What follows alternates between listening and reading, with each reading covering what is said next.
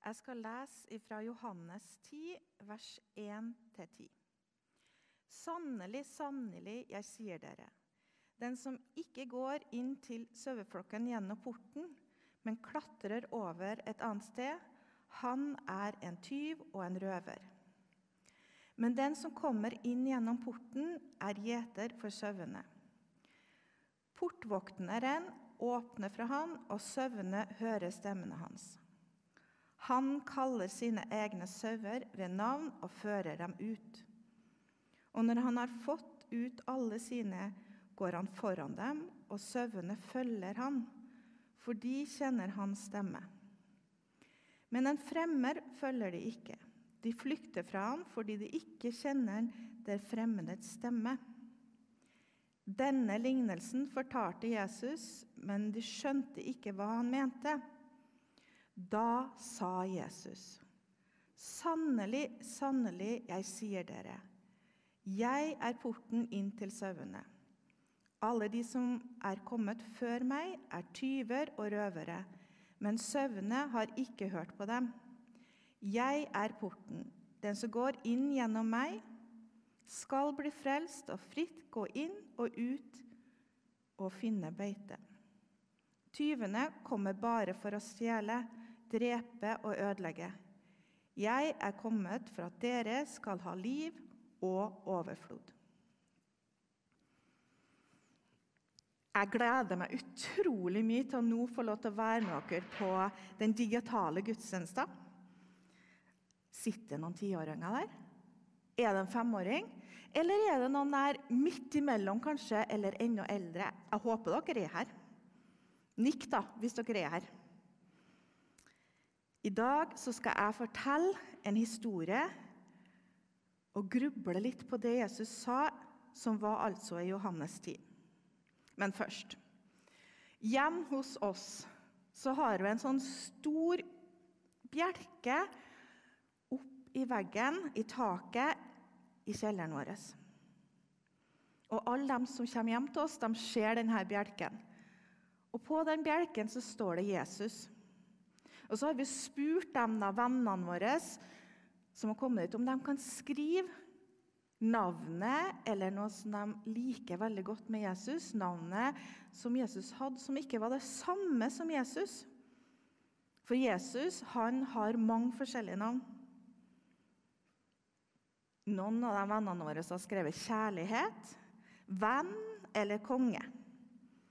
Og ofte når jeg går forbi denne bjelken, så tenker jeg det er sannheten om Jesus. Eller jeg ser på håndskrifta så tenker jeg, det er den vennen her. Og han syns det at det her var noe som var godt og viktig om Jesus. De to siste søndagene så har dere lært to navn om Jesus. I alle fall de voksne. Det ene er vintreet, og det andre er verdens lys. To helt forskjellige sider av Jesus. Vintreet snakka Ingebrigt om at vi poda inn på stammen på videre. Vi poda inn på Jesus. Verdens lys snakka Lise om. At vi skulle gå veien sammen med Jesus, han som er lyset. I dag da, skal jeg faktisk si et navn til dere som jeg ikke har tenkt over at Jesus har brukt om seg sjøl. Men så har jeg kanskje ikke så veldig god hukommelse heller. Navnet er Porten. Han sier at han er porten. I Bibelen så står det mange plasser om at Jesus er hyrden. Altså ikke porten, men hyrden. Og hyrden passer på sauene sine. Kanskje dere har hørt om den bortkomne sau, eller hyrdene som var på marka når Jesus ble født. Mange av dem som er litt eldre, og mannen min, som også er litt gamlere enn meg, de har et bilde over senga si når han var liten. Og det bildet, det er ofte det her. En hyrde som holder i det lille lammet, og så har han sauer rundt seg. Jesus er den der hyrden. Men, og han passer på sauene sine. Men i dag skal jeg vise dere et helt, helt annet bilde av Jesus. Når sauene var ute på marka om dagen, så gikk de helt fritt. De hadde gress overalt, og de spiste og kosa seg. Men om natta, når det ble mørkt, så var det ikke trygt for dem å være ute på markene, så derfor måtte de gå inn en plass. Og da gikk de inn i inngjerding, sånn som jeg laga, eller prøvde å lage meg her, som var sånn som det her. Stor inngjerding som var laga av steiner. Og oppå de steinene så var det tornebusker. Sånn at hvis det var noen tyver eller noen røvere eller en ulv som ville komme og ta sauene, så klarte de ikke å gjøre det. Og så var det en liten, liten åpning inn til denne inngjerdinga. Det var en port. Og det her var den eneste måten de kunne komme inn til sauene om natta. Men nå har jeg lurt dere litt. For den porten det var egentlig ikke en sånn port. Hyrden begynte å sitte der. Hyrden bruker å sitte her i den lille åpningen for å passe på sauene. Han hadde en hyrdestad med seg som kanskje slo med hvis ulvene kom. Han hadde kroppen sin som han kunne skremme dem med, og kanskje hadde han et bål foran der. Så det var altså en hyrde. Se her.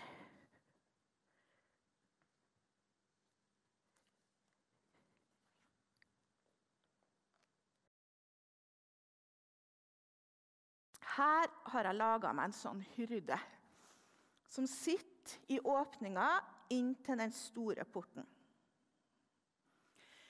Jesus sa i det her at han var hyrde, men han sa også noe mer.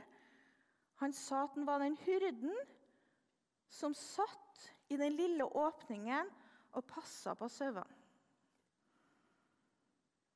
Hyrden han bruker å passe på dem, gi dem mat og vokte dem. Men når Jesus kaller seg for porten, så sier han noe mer. Han sier det aller, aller viktigste han gjorde, gjennom porten.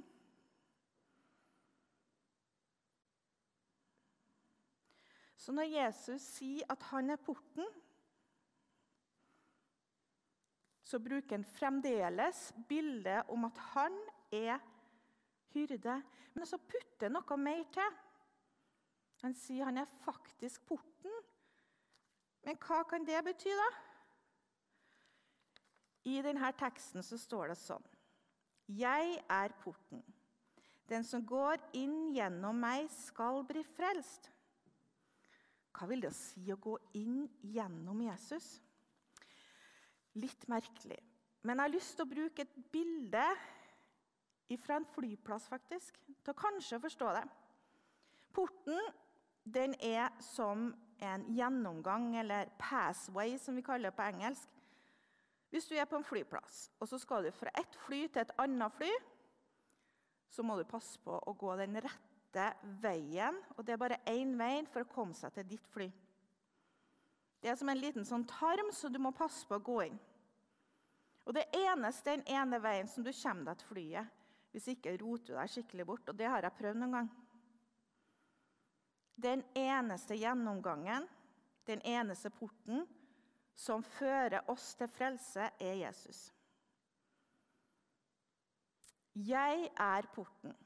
Den som går inn gjennom meg, skal bli frelst og fritt gå inn og ut og finne beite. Og så Jesus sier at den som går gjennom han, blir frelst. Vi kan ikke komme til Gud, bli frelst, uten at Jesus døde på korset for oss. Det er kun gjennom han vi kan få tilgivelse for syndene våre. Jeg bruker å si det sånn at gjennom Jesus, han som tok på seg alt som vi sier og tenker og gjør, som ikke er godt, og som Gud ikke kan tåle, gjennom han har vi åpen vei til Gud og til evig liv. Når vi snakker sånn, så er det jo ofte korset vi tenker på.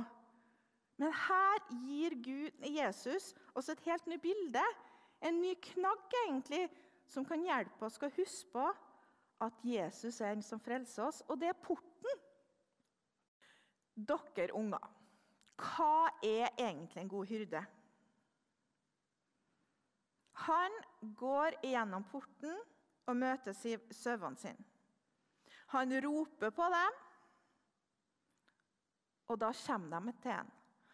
En god hyrde har gitt dem navn, alle sammen, og han kjenner dem alle sammen. Dere voksne, neste søndag skal Helge snakke mer om denne hyrden. Men hyrden han leder dem ut til grønne enger og til rennende vann. Er dere enige, unger? Det er det som er en god hyrde. Men hvorfor skal de gå inn og ut gjennom denne porten? Skal vi gå inn og ut ifra Jesus? Nei. Vi skal komme inn og være sammen med Jesus inn i inngjerdinga. Han satt jo der helt, helt ytterst i inngjerdinga og passa på at ingen skulle komme inn. Der er Jesus sammen med oss. Og så skal vi gå ut av inngjerdinga.